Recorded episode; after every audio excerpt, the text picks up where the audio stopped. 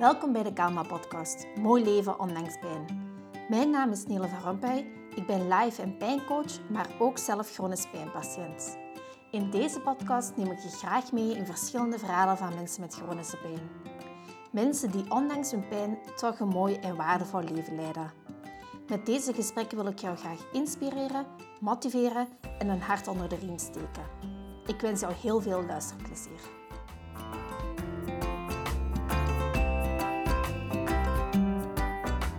In deze aflevering ga ik in gesprek met Jasmin.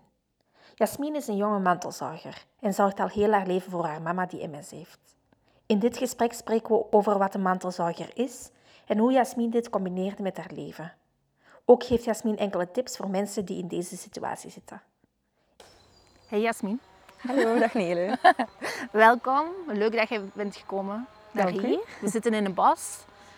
Eh, je hoort misschien, de mensen horen misschien, ze zijn bomen aan het afdoen. Dat is nu wel niet zo heel leuk. Het is ook luid, vind ik, maar op zich. Ja, maar misschien horen we dat niet hard op de podcast. Dat maakt niet zoveel uit. Ehm wij kennen elkaar enkel van Instagram. Ja, klopt. Ehm en je hebt mij een berichtje gestuurd. Ja, dat is waar. Ehm, omdat ik uw podcast al geluisterd had.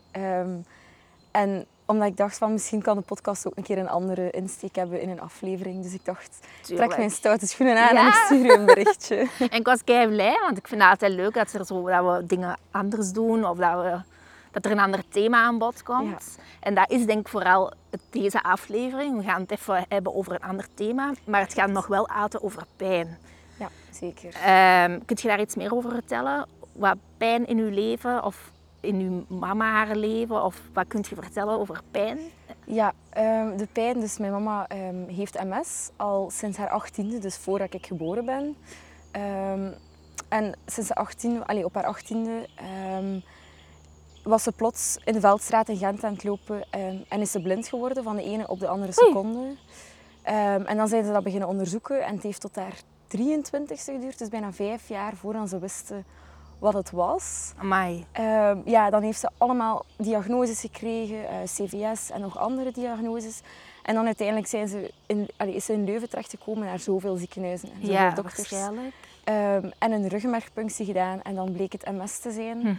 Ehm, en nu, hè, zo- zoveel jaar later, bijna 20, 25, allee, zelfs bijna 30 jaar later, gaan ze al iets sneller bekijken naar MS. Dus dat is wel goed dat er sneller mensen geholpen worden. Ja. Maar een van de verhalen dat veel mensen hebben, is dat ze blind worden. Omdat het ehm, achter haar oog begint, achter de zenuwen achter haar oog Mhm. verdwenen. Nu kan ze wel terugzien, dat is teruggekomen. Ah, dat kan, Ja, dat kan ja, ja. terugkomen. Ah, oké. terug, dat is teruggekomen. Maar wel zo, ehm, ik denk dat ze het 60% zie aan de ene kant en het 40% aan de andere kant.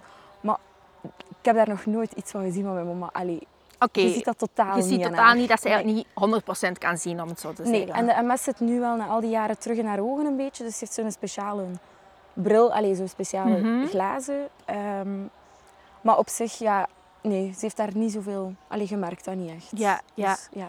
En op welke leeftijd zei je dat dat je mama dat heeft gekregen?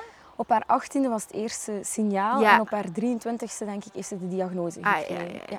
Maar jij bent nadien gekomen. Ja, ik ben Ah, op, op haar 25e ben ik gekomen. Ah, ja, oké. eigenlijk tegen de wil van de dokter. Ze hadden gezegd van het mag, maar het is met risico's verbonden. Eh, maar ja, ze wou zo graag een kindje, dus voilà, Ja. hier zit ik dan. Oh, leuk. en, en risico's verbonden bedoelen ze dan omdat jij dat ook kunt krijgen? Of ze bedoelen vooral om, voor de, de zorg naar u toe? Ehm, ze bedoelde dat vooral ook voor de bevalling. Ehm, Ah, oké. Ja, echt het, het fysieke Ja? dat misschien moeilijk kon zijn. Ja, Ehm, en daarnaast, ja, het is niet erfelijk. Ik heb 0,01 of 0,02 procent. Mijn mama heeft dat wel echt goed bekeken. Je hebt af en toe wel verhalen hoor. Mhm. Dat je dat gehoord dat dat ja, naar de volgende familielid ja. gaat. Maar ja, ik denk dat de kans klein is. Ja. Ja. Ja, oké. Op zich denk ik wel dat mijn immuunsysteem niet 100% is zoals dat moet. Ik word snel ziek. Ik heb jammer genoeg ook soms dingen. Mhm. Ik steek dat niet daarop, maar je, allee, Je weet het niet, hè? Nee. Nee, Heb je dus- nog broers of zussen? Nee, ik ben enig kind. Ah Ja. Dus ja. leuk. Ja, voor- en nadelen. Voor- en nadeel, dat is waar. Met alles. Voilà. En eh, hoe gaat het nu met je mama? Want we zijn al zoveel jaren verder dan. Ja, ehm, mijn ouders zijn gescheiden als, als ik vijf jaar was. Oké. Ehm, en dan heeft mijn mama, ja, als alleenstaande zieke mama, heeft hij wel hard moeten werken. Had zij drie jobs op een bepaald moment. Ehm, en vier jaar geleden heeft haar lichaam beslist van het gaat niet meer, je kunt niet meer werken. Dus zij is nu op invaliditeit. Oké, ja. Ehm, en dat, is wel, dat heeft wel veel gedaan. Dat is wat stabieler geworden daardoor. Ehm, maar zij heeft vier jaar geleden, dus tijdens ze werd invaliditeit, allee, ze kreeg die uitkering. Ehm, en ik denk twee maanden later is ook de diagnose kanker vastgesteld geweest bij haar, Ah. keelkanker. Maar dat is nu normaal gezien vrij onder controle. We zijn nu bijna vijf jaar later, dus allee, bijna de deadline Ja, van kankervrij, zeg maar. Ehm, maar dat is toch wel nog altijd spannend. Ja. Ehm, want mijn mama heeft gewoon niet veel geluk met gezondheid, want ze heeft ook artrose erbij. Dus Het de zo van alles. combinatie, Ja, van die drie ziektes samen, dat zorgt er wel voor. best En het- pittig, ja. was vrij goed. Mhm. Allee, goed, in mate van mogelijke goed en vrij stabiel. Ehm, tot eigenlijk vrijdag, moet ik zeggen, nu afgelopen vrijdag. ja? Is ze terug naar de dokter geweest en we hebben niet zo goed nieuws gehad. Ehm, er zit een ontsteking in haar rug, maar ze, ze klaagde al... Allee, klaagde, ze klaagt nooit, maar ze, Maar ze voelde dat er ja, iets was. ze voelde al een tijdje, maar mijn mama gaat zo heel laat pas naar de dokter. en zo, het gaat wel goed komen en het is gewoon mijn ziekte en dat is normaal. Ja, misschien ook zo'n beetje angst dat erbij komt. Ja, en ze is gewoon altijd positief en een doorzetter, dus die probeert mooi. dat dan een beetje Ja. aan de kant te schuiven. Ja. Ehm, maar ja, het ging echt niet meer. Het autorijden is heel lastig voor haar en ze heeft Mhm. echt veel pijn. En ehm, ja, nu blijkt dus een ontsteking in heel haar rug te zitten en ze weten niet of die gaat overgaan of niet.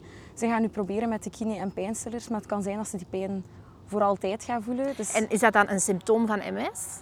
ja, waarschijnlijk wel, Ja. samen met de artrose. Met de artrose, Ja. oké. En ze is dan onder de scanner gemoeten vrijdag, zo hals over kop. En dan bleek ook dat ze een versleten, allee, of een slijtage op de heup heeft. Ah ja. Ehm, en dat is bij haar mentaal heel hard binnengekomen. Omdat Ja. ze zoiets heeft, ja, ze is 50 jaar. Mhm. Dus dat is nog niet zo oud Nee. om een slijtage te hebben op je heup. Ehm, ook al hebben veel mensen dat, dat krijgt ze nu als reactie van ja, maar ja, het zijn er zoveel. Mhm. Maar het deed haar wel wat. ja, En- tuurlijk. ja, en nu mag ze bijvoorbeeld de komende 28 dagen niet met de auto rijden. Dat er zo nog eens bij. Ja, voor, voor die rug en voor te kijken wat er gaat gebeuren dan. Ehm, maar ja, dat maakt het dan heftig voor haar en voor mij, want ja, plots mag ze niet met een auto Ja, rijden. Dus dan komt er voor mij plots Ja, heel veel bij ja. kijken. Dus Daar wou ik ineens ook op, op eh, terugkomen of over praten. Want je zegt dat je ouders zijn gescheiden toen dat je vijf jaar was. Ja. Uw mama voelt zich dan niet zo goed. Eh, wat doet dat met u? Ja, op dat moment, ja, als je vijf bent, Ja. weet je niet echt wat Nee. dat is, dan je ouders uit elkaar gaan. Ehm, en ik had wel, ehm, ik was twee weken bij mijn mama en weekend bij mijn papa. Oké. Dus ik ging daar wel nog naartoe. Mhm. En op termijn heb ik dat dan veranderd naar week-week. Ehm, maar je beseft dat ook niet zo goed. Nee. Mijn mama, eh, MS zorgt ervoor dat je aanvallen krijgt. Dat kan op alle mogelijke manieren zijn, Mhm. jammer genoeg. Je kunt je daar ook niet op voorbereiden. Gelukkig kent mijn mama haar lichaam heel, Heel goed. goed, En ze voelt de aanvallen wel allee, opkomen. Ehm, en ja, doorheen mijn leven is dat wel af en toe geweest. Dat er, allee, af en toe, sommige periodes, als ze heel veel werkte, was dat echt heel veel na elkaar. Konden dat er drie per maand zijn. Nu, de laatste jaren is dat er twee per jaar nog niet. Dus het is zo heel afhankelijk. Ja. Het gaat echt met ups en downs. Heel afwisselend. En dat was wel intensief. Als kind besef je dat niet. Je gaat gewoon door. Als mijn mama een aanval kreeg, dan ging ik gelijk in overlevingsmodus. Mhm. En ik heb haar ooit een keer van... Allee, ze heeft een aanval gekregen op het toilet. En ik heb haar ooit een keer van het toilet naar de zetel als, als zesjarige gebracht. Geen idee hoe dat ik dat gedaan heb. Maar mijn mama Mhm. Nee, zei, je- ik werd wakker en ik lag in de zetel. Dus Je hebt er gewoon voor gezorgd. ja, ja, klopt. En dan gaat dat wel zo automatisch. Maar het blijft, zelf nu als ik 24 ben, blijft dat wel angstaanjagend. De aanval kan gewoon eender wat doen. Haar laatste aanval was haar benen helemaal aan het trillen. En ja, dat ik bijna op haar benen zat voor ze gewoon stil te krijgen. Mhm. Ehm, en het probleem is, mijn mama, haar ogen zijn open. Maar je hebt er geen... Maar je hebt er geen contact Nee, mee die dan. kijkt zo door u. En ik blijf Ah, daar ja. tegen praten, maar die blijft door u kijken. Dus dat is een heel... En neemt hij dat dan op, wat dat je zegt? Hoort Nee, die beseft nee, die beseft achteraf niks. als ik iets vraag, nee. is zo blackout Ja, eigenlijk. ja, klopt. Maar eigenlijk zit ze wel met haar ogen open. Ja. Dus dat maakt het soms heel moeilijk. ja, ik. ja, ja, snap ik. Nu ben ik dat wel al wat gewoon, maar het blijft wel moeilijk, vind Ja. ik. Ja. En ik veronderstel, uw mama wordt wel wat begeleid waarschijnlijk in, in die dingen. Ehm, op het moment van haar kanker was ik ook juist, juist in mijn eerste jaar. ehm, aan de hogeschool. Dus dat was wel heel heftig. Tijdens mijn examens is dat allemaal gebeurd. Oh, en dan hebben we wel veel hulp ingeschakeld. Dan Ja. heeft school ook gezegd van... Ik zat op een sociaal werkschool, want ik ben sociaal werker. Dus ik zat op de juiste school daarvoor. ja, ja, begrepen dat helemaal. Ja, ja, absoluut. En zij hebben mij wel ook gezegd van... Nu moet er verpleging komen, nu moet er thuis Ja. wat komen. En nu is dat wel allemaal weer wat afgebouwd, omdat ze stabieler is. En nu weet ik niet wat dat gaat geven de komende ja, periode. maar tuurlijk. nu was dat Ja. wel even weg. Ja. Ja. Maar dan is er inderdaad hulp, hè, een beetje voor haar, maar is er ook hulp voor u? Ja, ik heb wel, ehm, hoe moet ik het zeggen? Ik heb een paar jaar geleden in die periode dan toch wel mentale hulp Ja. opgezocht. Ehm, ook door de scheiding en van alles. Ehm, en dan ja, ben ik naar een psycholoog terechtgekomen Mhm. en daar ben ik vijf, allee, nee, vier jaar echt. Allee, lang. Af en toe ga ik daar een keer Ja. naartoe als het wat minder is. Ja. Eh, maar ik heb twee jaar echt heel intensief daar een begeleiding gehad. En dat heeft mij heel hard geholpen. Oké. Ehm, en gaandeweg andere coaches op mijn pad gekomen die mij dan, ja, bijvoorbeeld parentificatie, dat is eigenlijk Mhm. dat je ehm, als kind de ouderrol op u neemt. Ja. Maar dat zien is veel moeilijker.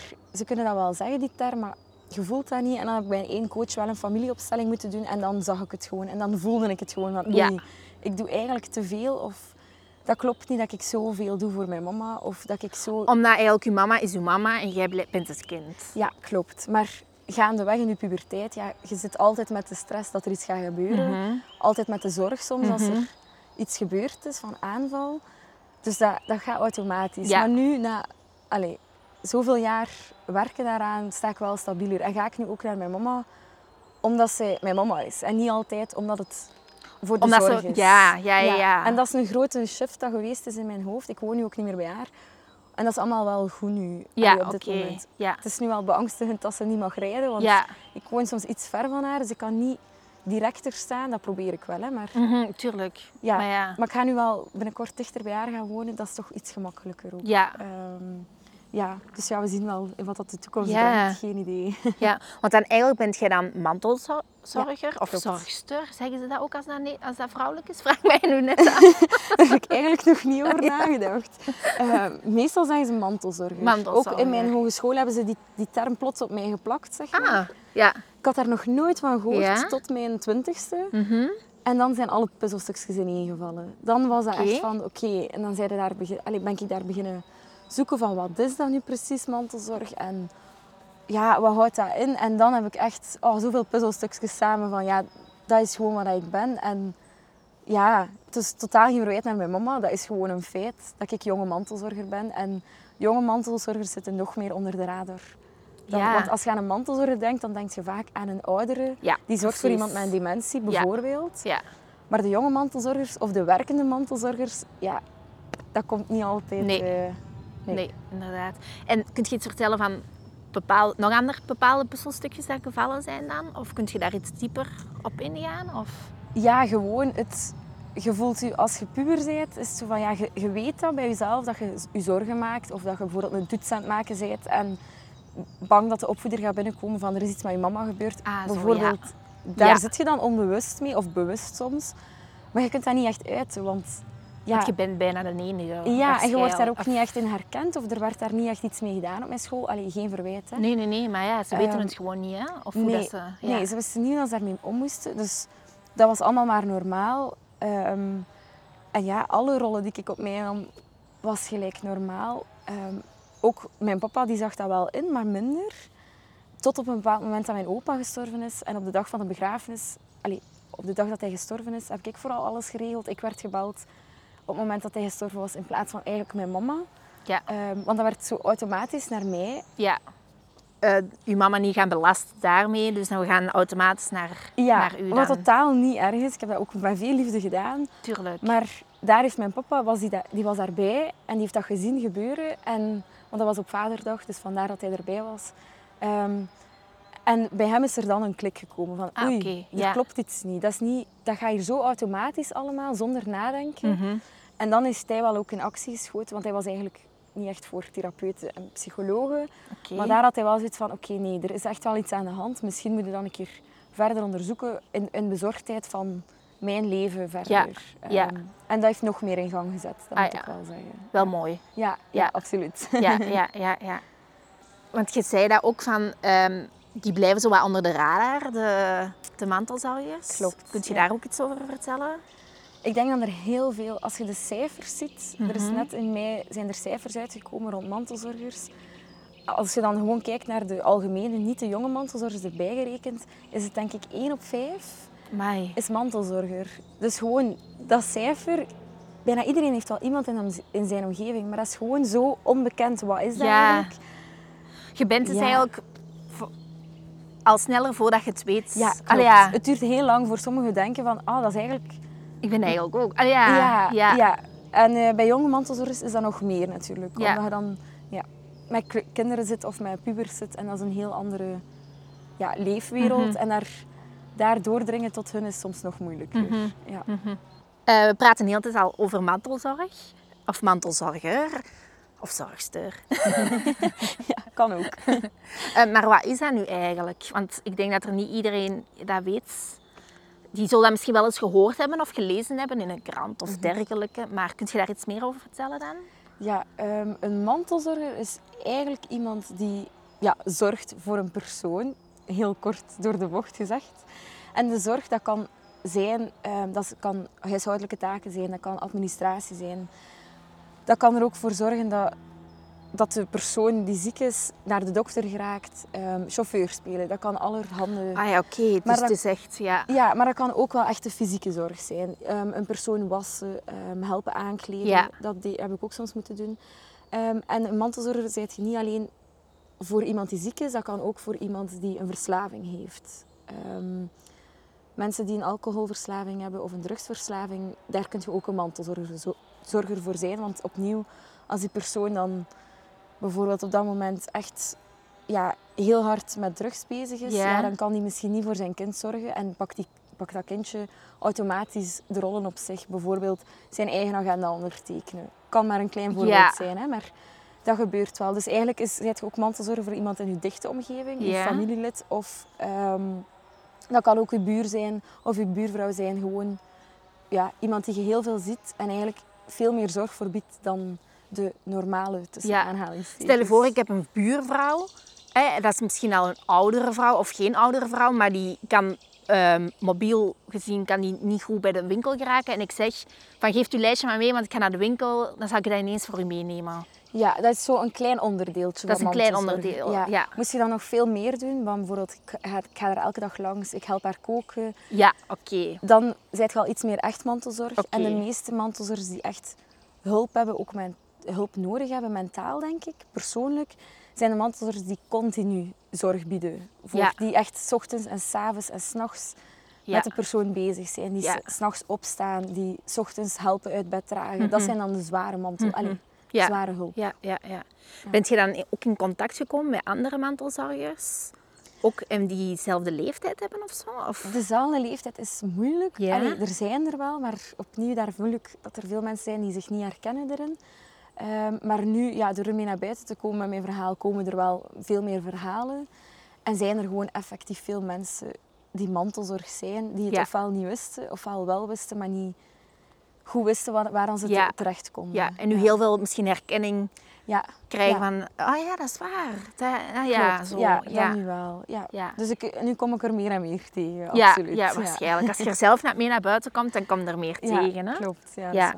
Ja. Eh, de mensen die naar deze podcast luisteren, dat zijn vooral mensen die pijn hebben en die erkenning zoeken. Ehm, ik veronderstel dat die misschien nu ook denken, oh nee, ik ben ook mantelzorger. Of, of, of ja, dat moet geen oh nee zijn, maar Ja, Ja. klopt. Of misschien mensen die nu aan het denken zijn, ah ja, ik heb pijn en mijn partner zorgt voor mij. ah ja, Dus ja, ik denk dat er misschien wel mensen zich herkennen van, oei, mijn omgeving zorgt ook voor mij. En dat is eigenlijk ook helemaal geen oei. Ik zeg nu oei, maar ja, dat is totaal geen oei.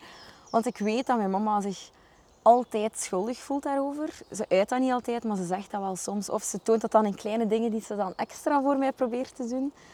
Ehm, wat ook een normale reactie is. ja, hè? een super normale reactie, denk ik, om je schuldig te voelen als persoon zelf. Ja. Als je zelf ziek bent, ja, dan zijt je zogezegd een laste van iemand. Ja. Want ja, je vraagt hulp, wat dat eigenlijk gewoon geen probleem is. En Mhm. ik snap dat mijn mama haar schuldig voelt, maar ik heb haar al zoveel gezegd dat dat helemaal niet hoeft. Want ik vind juist het mooie aan mantelzorg is de band dat je creëert tussen jullie Dat is twee. waar. als je zo nauw voor iemand zorgt Mhm. en ja, mijn mama laat die zorg toe, ja, dat je creëert juist een heel mooie band met elkaar. Dus ja, het is ook net mooi dat uw mama het ook toelaat. Klopt, absoluut. ja. ja. dus ik denk dat dat zeker in twee richtingen kan werken. Mhm. En ja, voor mensen die dan denken, ha, ik wil niemand tot last zijn. Mijn mama heeft dat soms, en ik moet toegeven, lijkt nu, ze heeft zodanig lang gewacht van ik wil niet tot last zijn. En we zijn onlangs weg geweest en in plaats van met de rolstoel wou ze dan toch stappen, zodat ik haar een rolstoel niet moest voortduwen. Ja, nu, een week later, zitten we dan met het probleem van, ja, nu mag ze 28 dagen niet rijden en maakt Ja. het eigenlijk nog veel erger. Ja, soms is het gemakkelijker om gewoon eerlijk te zijn en gewoon ehm, direct eh, zeggen van ja, oké, ik voel mij misschien schuldig, maar dat ook te communiceren tegenover de andere, Klopt, zodat die de andere dat ook ineens weet, zodat je daar in communicatie goed mee om kunt gaan, waardoor dat je het ook niet gaan, gaat erger maken. Ja, dat klopt. Want dan, hè, als je gaat ophouden van, oh ja, of je je slecht gaat voelen, dan gaat er weer iets anders komen en dan zijn we nog verder van huis, om het zo te zeggen. Ja, dat is waar, absoluut. Ja. Ik veronderstel, als je dan mantelzorger bent, kun je dan nog wel gaan werken, want je hebt eigenlijk geen tijd, denk ik dan. Ehm, ja, ik werk nog. Ik moet toegeven dat mijn studentenleven daar wel onder geleid heeft. Dat kan ik jammer genoeg. Ik heb dat dan gelukkig nog mijn laatste jaar kunnen inhalen. Ehm, want dat vond ik heel moeilijk. Als Mhm. student, je hebt lessen en ik had gelukkig, like dat ik daar juist zei, een heel goede school die Mhm. volledig achter mij stond. Ik vraag me dan soms af, wat als je mantelzorger bent in een niet-sociale opleiding? Dan denk ik dat het nog wel pittig kan zijn. Ehm, want er bestaat bijvoorbeeld geen mantelzorgstatuut voor studenten. Ik had een statuut voor topsporters, als ik het mij goed herinner. Mhm. Ehm, want het statuut hield in dat op het moment dat mijn, mijn mama bijvoorbeeld geopereerd werd, ehm, en dat was allemaal in die examens ook, Mhm. dat ik mijn examen mocht uitstellen. Ik mocht mijn eigen planning maken van rond de doktersafspraken heen. Ah ja. Ook vooral van wat kan ik nog aan, Ja. welke examens kan ik aan, welke kan ik uitstellen. Ehm, bijvoorbeeld mijn taken mochten, allee, mijn papers mochten later ingestuurd worden. Ik moest niet altijd verplicht in de les zitten. Ik mocht gewoon zeggen van kijk, ik moet naar de dokter. Ja. En dat was allemaal oké. De leerkrachten vroegen, of de docenten vroegen daardoor ook niet van waarom verlaat jij nu de les? Nee, ik had gewoon dat statuut, zodat ik dat niet continu opnieuw moest uitleggen. Dus allemaal heel goed. Dus je had een topsporterstatuur Ja. toont zonder dat je topsporter bent. Ja, Dat klopt. is zalig. Ja, omdat er nog geen... En het nadeel daarvan vond ik... Allee, daar heb ik ook... Ik heb zo'n bachelorproject ook meegewerkt. Allee, niet zelf, mijn eigen, maar gewoon een interview gedaan. Omdat het enigste nadeel van het statuut was dat ik niet kon kiezen wanneer mijn examens vielen. Ik wou eigenlijk al in februari mijn examenrooster weten Ja. voor de doktersafspraken in te plannen. ja, tuurlijk. Dat was de ene die er niet is doorgekomen, maar bon, ik mocht al Ja. zeker niet klagen. Maar ik moet wel zeggen, ja, uw studentenleven leidt daaronder. Hè. Ik moet, de, de dag dat de diagnose kwam was dus in mei. En in juni begonnen de examens. En ik heb echt overdag gezorgd voor mama. S'avonds en s'nachts gestudeerd. Oh. Een klein beetje slapen en zo heel de tijd. Maar op een of andere manier zat ik zo in een drive dat, ik er, Dat het gelukt is. dat het helemaal Ja. gelukt is. Beter dan mijn andere jaren erop. Maar ik denk dat dat, gewoon, nodig. ik denk dat dat gewoon overleving was. Tuurlijk, ja. Ehm, en ja, nu met werken vond ik, vind ik het wel opnieuw een schakel, want ik werk nog maar een jaar. Ik ben Oké. nog maar net afgestudeerd. Ja, dus- ja, ja, je bent nog jong. ja, ik heb ook een half jaar langer moeten studeren ja, ja. door alle Doordat je dat omstandigheden. verspreid hebt en zo. Ja. Ehm, en ik vond de ommezwaai wel, wel groot, want ik ben ook op Erasmus geweest. Dat was eigenlijk ja, een heel moeilijke beslissing. Ja, Ehm, want je bent echt weg. Ja, Ja, ben- hoeveel ik heb maanden? Of... bijna zes maanden in Finland gewoond. Ah, maar ja. Ja, dus dat was... Ah, ik heb er nog kikken van. Ja? Oh. Ik vond dat zo'n moeilijke beslissing, omdat ja, dat is uw mama gewoon achterlaten. Maar het was door het gepush van mijn omgeving en vooral van mijn papa, die zei van je hebt je eigen leven, je hebt het recht om je eigen toekomst uit te bouwen. En ik wou zo graag op Erasmus en ik wou zo graag En naar mama zal dat ook wel weten Ja, of gezien En hebben. mijn mama stond daar ook wel achter. En Ja. wat, dat we, wat dat we dan gedaan hebben, is gewoon veel meer hulp Ja. ja. ingeschakeld. Zodat jij ook gerust bent. Ja, ook mijn vrienden, mijn omgeving ingeschakeld daarvoor. Ja. Op dat moment dat ik wist van als er iets is, ik kan gewoon aan mijn vriendin bellen en die gaat daar gewoon naartoe Ja. gaan. En dat heeft mij ja, ook gewoon ervoor gezorgd dat ik plots een afstand kon nemen van mijn mama. Mhm. En van gewoon de zorgsituatie. En dat heeft voor mij heel veel gedaan. Dat heeft mij gelijk Dat is geheeld. een andere wereld ook ineens, denk ik. Ja, en daar ben ik voor de eerste en eigenlijk ook de laatste keer echt student Ja. kunnen zijn. Ik kon daar gewoon ja, de echte student Ja, uithangen. ja, een mooi cadeau eigenlijk. Ja, hè? en daar ben ik heel dankbaar voor. Eh, dus super blij dat ik dat heb nog kunnen meemaken. Dus ik zou ook alle mantelzorgers aanraden, al weet ik wat voor moeilijke beslissing dat is om voor je eigen leven even te kiezen. Mhm. Ehm, en nu ben ik dus een jaar geleden, een jaar en een half geleden bijna, eh, beginnen werken. Mhm. En ik ben dus sociaal werker geworden. Ehm, Ja. Ik denk ook mede dankzij alles wat ik al van kleins af heb meegemaakt. Ja. Gerold daarin. Je ziet heel veel sociaal werkers passeren. Ja. Ehm, ja, dacht ik van, ik ga dat ook gaan studeren. En ja, dat is wel soms moeilijk, de combinatie, omdat je veel minder snel kunt zeggen van, ja, ik stop nu met werken, want er is iets met mijn mama. Maar Ja. in de les had ik zoiets van, ja, ik vertrek uit de les en ik Ja. ben weg. Hè. Ja, Maar ja, dat is nu wel moeilijker, alhoewel dat ik nu ben nu veranderd van job. Ik werk nu als, ik werk vier vijfde in een eh, woonzorgcentrum. Mhm. Ehm, ja, omdat ouderen nu gewoon echt, mijn hart ligt ook bij ouderen. Oké, Ehm, leuk. Ja, heel leuk. Ja. Ehm, en ze weten het wel, mijn werk. Ja. Ehm, Ik denk dat dat ook wel belangrijk is om te communiceren. klopt. En absoluut. ook gewoon, dat is ook voor de mensen die pijn hebben. Communiceer dat op het werk ook. En Absoluut. datzelfde in uw geval, je hebt zelf misschien geen pijn, maar je zorgt wel voor iemand die pijn heeft. Dus dat is ook belangrijk dat je dat gaat communiceren. Ja, absoluut. En ook zeker nu, het verschil tussen student en werk is wel groter. Want je kunt wel een mantelzorgstatuut aanvragen als werknemer. En daar krijg je dan een bepaald aantal verlof in. Ehm, je kunt dat bekijken, situatie per situatie. Ik weet nu wel uit ondervinding, ze zijn ermee bezig, de politiek, en het staat er al, het statuut. Ehm, ik hoor wel veel verhalen van, ja, ik heb er toch geen recht op, of dit of dat. Maar dan bekijk ik samen met hun wel, misschien kunnen we iets anders proberen. Ja. Maar ik denk dat het heel belangrijk is om het aan uw werk te zeggen. Ja. Ehm, en ja, zoals ik zei, dus van, ik help mensen ook, want naast mijn vier vijfde ehm, heb ik mijn eigen bedrijf, zeg maar. Mhm. Ik noem het niet graag mijn bedrijf, maar gewoon... Ja, ik eh, heb een mist opgericht. Mhm. Ehm, en ik ben en verliesconsulent aan de ene kant en mantelzorgbegeleider aan de andere kant. Oké. Ehm, En hoe kan ik dat zien als je dat mantelzorgbegeleider, wat houdt dat dan in? Ja. Komen de mensen bij u die zelf mantelzorger zijn? Ja, meestal wel. Ehm, ik heb een traject ontwikkeld voor mantelzorgers. Rond, ehm, en daarin zijn er zes sessies van anderhalf uur. Ehm, waarbij we vijf sessies echt gaan mentaal gaan bekijken, zoals ik zelf ook uitleg. Van wat ik doorheen de jaren heb gedaan. Ja. Bijvoorbeeld een familieopstelling. Ja. En gaan we echt per sessie gaan bekijken van wat zijn uw noden, wat is uw leven, wat zijn uw dromen. Maar ook hoe kun je het allemaal combineren met de zorg. Ja. Want je kunt jij wel blijven dromen, maar als je de tijd niet hebt omdat Mhm. je voor iemand moet zorgen, ja, dan kun je dat ook niet gaan ontkennen. Dus Ja. zo gaan we dan wel op zoek van wat zijn uw noden, hoe kunnen we het iets anders maken. Mhm. Ehm, en de laatste sessie is echt mijn sociaal werksessie. Ehm daar ga ik mee helpen de premies aanvragen. Er bestaat waarschijnlijk zoveel dat je zelf niet weet. En waar moeten we nu beginnen? Klopt. En je wordt jammer genoeg soms ook van het kastje naar Ja. de muur gestuurd. Mm, ja. Ehm, ik heb dat zelf in al die jaren zoveel hebben we dat gehad. Ehm doordat mijn mama kanker had Mhm. en MS samen. We hadden de rolstoel aangevraagd, dat had ze dan gekregen.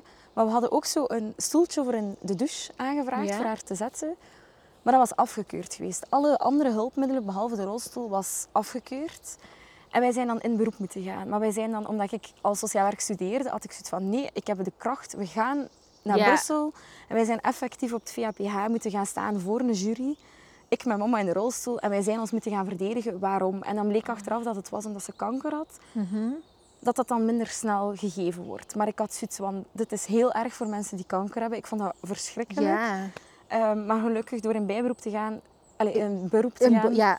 ehm, hebben we het kunnen krijgen. Maar gewoon dat op zich al is zoveel werk, want je moet een heel verslag maken. Je moet echt Oh. weten met waar je Ja, bezig ik bent. zou denken, laat maar zitten. Ja, jammer genoeg zijn heel veel mensen op dat moment gewoon... Er komt zoveel op je Ja. af je hebt er gewoon geen, Allee, Nee. je hebt er gewoon geen goesting Nee, in, om simpel nee. te zeggen.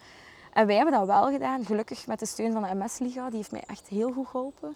Maar effectief, wij moesten het wel doen. Ja, wij moesten daar wel gaan staan. Ja. En gewoon de tijd, de energie. Je moet dan van naar Brussel. Voor ons is dat vrij ver. Dat Gewoon maakt... ook stress in Ja, het dat was wel algemeen. stresserend. Dat vond ik wel. Zeker zo... Ja, je zit er dan voor een jury. Voor je een weet jury het alsof dat je heel veel fouten hebt gedaan.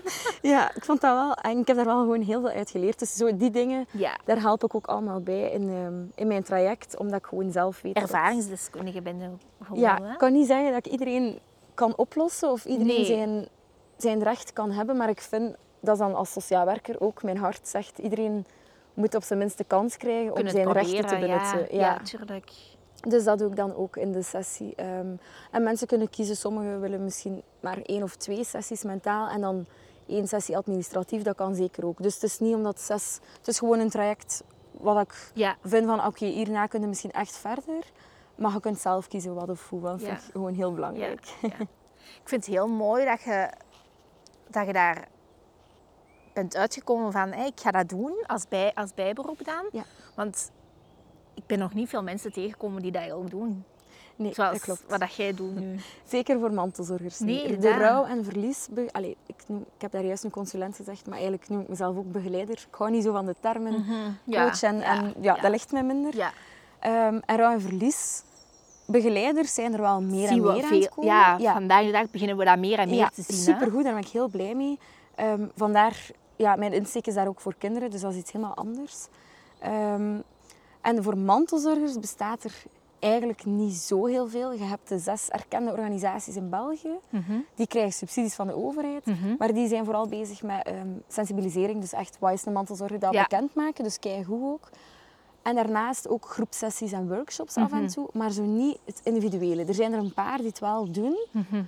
Maar op, nog op een andere manier. Ja. Het is, ja, en ik had zelf, ik heb het echt gestart vanuit het idee, ik had dat zelf nodig. Nodig, ja. Ik had zoveel gedaan om zo iemand te hebben, die gewoon, en dat is ook wat ik wil zijn, gewoon de steunpilaar. Als er iets is, altijd naar dezelfde persoon. In plaats van, als je naar de mutualiteit gaat en je wilt het aanvragen, ja, de ene, de ene dag heb je de die, de andere dag heb je de andere. Ja. Volledig begrijpelijk, want ik werk ook in Ja. zo'n organisatie. Ja. Je kunt niet altijd voor iedereen goed doen.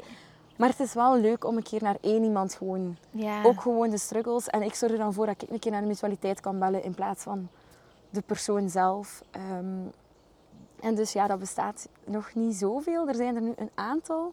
We zijn denk ik met twee of drie ehm, die dat aan het doen zijn. Maar ja, met, met dat ik een sociaal werkinsteek heb, is dat nog anders. Mhm. Ehm, maar ik hoop dat er misschien nog meer gaan komen. Ja, het zou, het zou mooi zijn, hè? Ja, ik zou het, eh, het zou heel fijn zijn. Ja. En werk je ook online?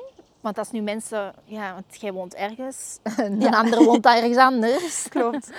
Ik werk ja, vooral locatie onafhankelijk doordat ik ook huisbezoeken doe. Dus ik werk doorheen heel Vlaanderen. Oké.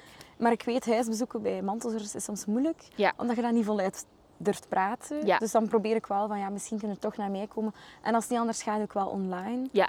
Ehm, maar de grootste insteek bij alles wat ik doe met mist, is Mhm. creatieve methodes. Dus we gaan altijd... Het is niet van zet u en we gaan praten. Dat kan ook als je dat echt wilt. Mhm. Maar ik ga altijd het gesprek beginnen aan de hand van creatieve methodes. En wat Ehm, houden creatieve methodes in? ja, dat is ik- niet knutselen zoals dat de Ja. meesten denken. Soms wel, dat kan als je echt creatief bent. Ja. Eh, maar bijvoorbeeld in mijn intakegesprek gebruik ik vaak stenen om gewoon ja, iets makkelijker het gesprek aan de hand allee, te beginnen. Want hoe begint je verhaal? Dat is gewoon soms Mhm. Ja, gewoon... nee. Ja, en dan zo familieopstellingen doen we dan ook met popjes of met materiaal. Ja. Ehm, ja, er zijn allerhande methodes dat ik gebruik. Ook heel veel met kaarten ga ik werken, van allemaal kaarten verspreiden of quotes, like liedjes. Ik ben iemand die heel graag. Ah, van leuk. muziek houdt. Dus dan haal ik quotes uit liedjes dat ik denk van, amai, dat kan binnenkomen. En dan leg ik die verspreid en dan kiest je een quote die binnenkomt. En zo gaan we dan in Dat is gesprek. eigenlijk gewoon een startpunt om Ja. te vertrekken, om te beginnen praten over een bepaald onderwerp en dieper op in Ja. te gaan. Ja, klopt. Ja. Ja. eigenlijk wel. Dus dat probeer ik wel. Alles wat je met mist, die zal altijd wel creatief zijn. Ja. En sommige mensen, dat schrikt hun af. Maar vandaar, ik doe altijd een gratis kennismakingsgesprek.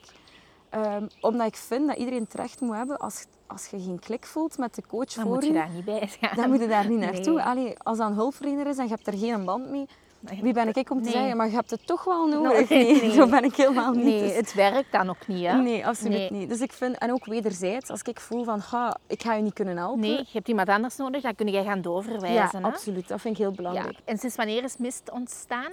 Nog niet zo lang eigenlijk. Ehm, op papier sinds november, Ah ja. eh, sinds oktober, sorry. Ehm, maar echt in werking sinds januari. Ah Dus ja, ja. Nog geen jaar eigenlijk. nee. dus het zit En van waar de naam trouwens? Ehm, de quote, allee, of mijn visie zeg maar, is op een mistige dag schijnt ook de zon. Oh. Zowel in mantelzorg als in rouw. Ja. Ehm, als je 's ochtends opstaat, gelijk gisterenochtend was dat een ochtend, volledig mist. Maar doorheen de dag kwam dan de zon. En eigenlijk ook in heel troebele en moeilijke periodes, al is maar een mini-zonnestraaltje, kan dat er zeker zijn. En vandaar dat ik dat met mijn praktijk Ja. vooral wil bieden aan de ja. mensen. Ik vind het een heel leuke naam trouwens. Dank u. Ja. ja, ik vind het echt leuk. En zeker op de manier hoe dat geschreven Ja, is. klopt. Dan moet iedereen maar eens gaan kijken op je Instagram-pagina. Ja, klopt. Heb jij ook nog een eh, website waar dat ze... Ja, ehm, dat is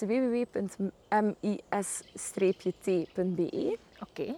Ehm, en ik ben gewoon op allerhande manieren beschikbaar. Ehm, ik ben heel open qua WhatsApp en Instagram ehm, en mijn website. Facebook iets minder, want dat, is, dat ligt mij minder. Maar de rest eh kunt u alles op bereiken. Ja. Je telefoonnummer kunnen ze ook vinden waarschijnlijk. Ja, Dus- allemaal op mijn website of mijn Instagram. Ja. Is er nog iets dat jij graag aan de mensen, aan de luisteraars wilt ja, meedelen? ik zou zeggen van als je nu luisteraar bent die zelf mantelzorger bent of je bent luisteraar die pijn heeft en gewoon Mhm. zelf ziek bent of Mhm. iets hebt, bespreek het. Maak het een keer open met je omgeving. Zeg je schuldgevoel. Ehm, het kan zo waardevol zijn om dit gesprek aan te gaan. Dus nooit zoek er iemand zoals mij bij of iemand anders, een hulpverlener, die jullie begeleidt tijdens het gesprek. Om echt te kijken van wat zijn mijn noden, noden als zieke persoon. Mhm. Allee, zieke persoon, persoon met een ziekte. Ja. Ehm, en wat zijn mijn noden als mantelzorger? Ja. En als je dat op tafel legt, kan er zo'n mooi, warm, Ja, verbindend moment ontstaan. Ja. Dus dat zou ik zeker... dat is heel mooi. Aanraden. Want anders inderdaad ook... Dan komen er minder snel frustraties naar boven en Klopt. dergelijke. Ja, ja, maak het bespreekbaar. Maak het bespreekbaar. Ja, Dat is een mooie. dank u. Dan wil ik u nog heel hard bedanken. Graag gedaan. Jij ook bedankt Ja? dat ik eh, mocht Ja, mijn verhaal tuurlijk. komen doen. En ik ben blij hoe meer mantelzorgers of Ja, mensen ik die... hoop ook echt dat we ook gewoon met deze aflevering, dat we daar... We komen daarmee naar buiten en dat vind ik ook zo mooi. Ja, klopt. Ik hoop gewoon dat mensen zich herkennen en zoiets hebben. Ik ben er niet alleen in. En ja. dat is ook de reden dat ik mijn verhaal zoveel mogelijk naar buiten Ja. wil brengen. Dus ja, het past perfect in de Kalma podcast. ja, klopt. Merci, Jasmin. ja, jij ook, dankjewel. Dag. Super leuk dat je luisterde naar de Kalma podcast. Mooi leven ondanks pijn. Dank je wel. Graag wil ik jou nog even wat korte en belangrijke dingen meegeven. Het is mijn missie om mensen met lichamelijke en emotionele pijn meer rust en minder pijn te laten voelen. Want ik ben ervan overtuigd, uit rust komt kracht. Heb je na het luisteren van deze podcast interesse voor een coachingtraject? Dan kan je vrijblijvend een gratis kennismakingsgesprek boeken via mijn website www.kalmacoaching.be. Wil je nog meer van deze podcast beluisteren? Abonneer je dan via jouw favoriete podcastkanaal. Je kan mij ook volgen via Instagram en Facebook onder de naam kalmacoaching.be. En dan zie ik jou graag terug bij de volgende aflevering. Dag!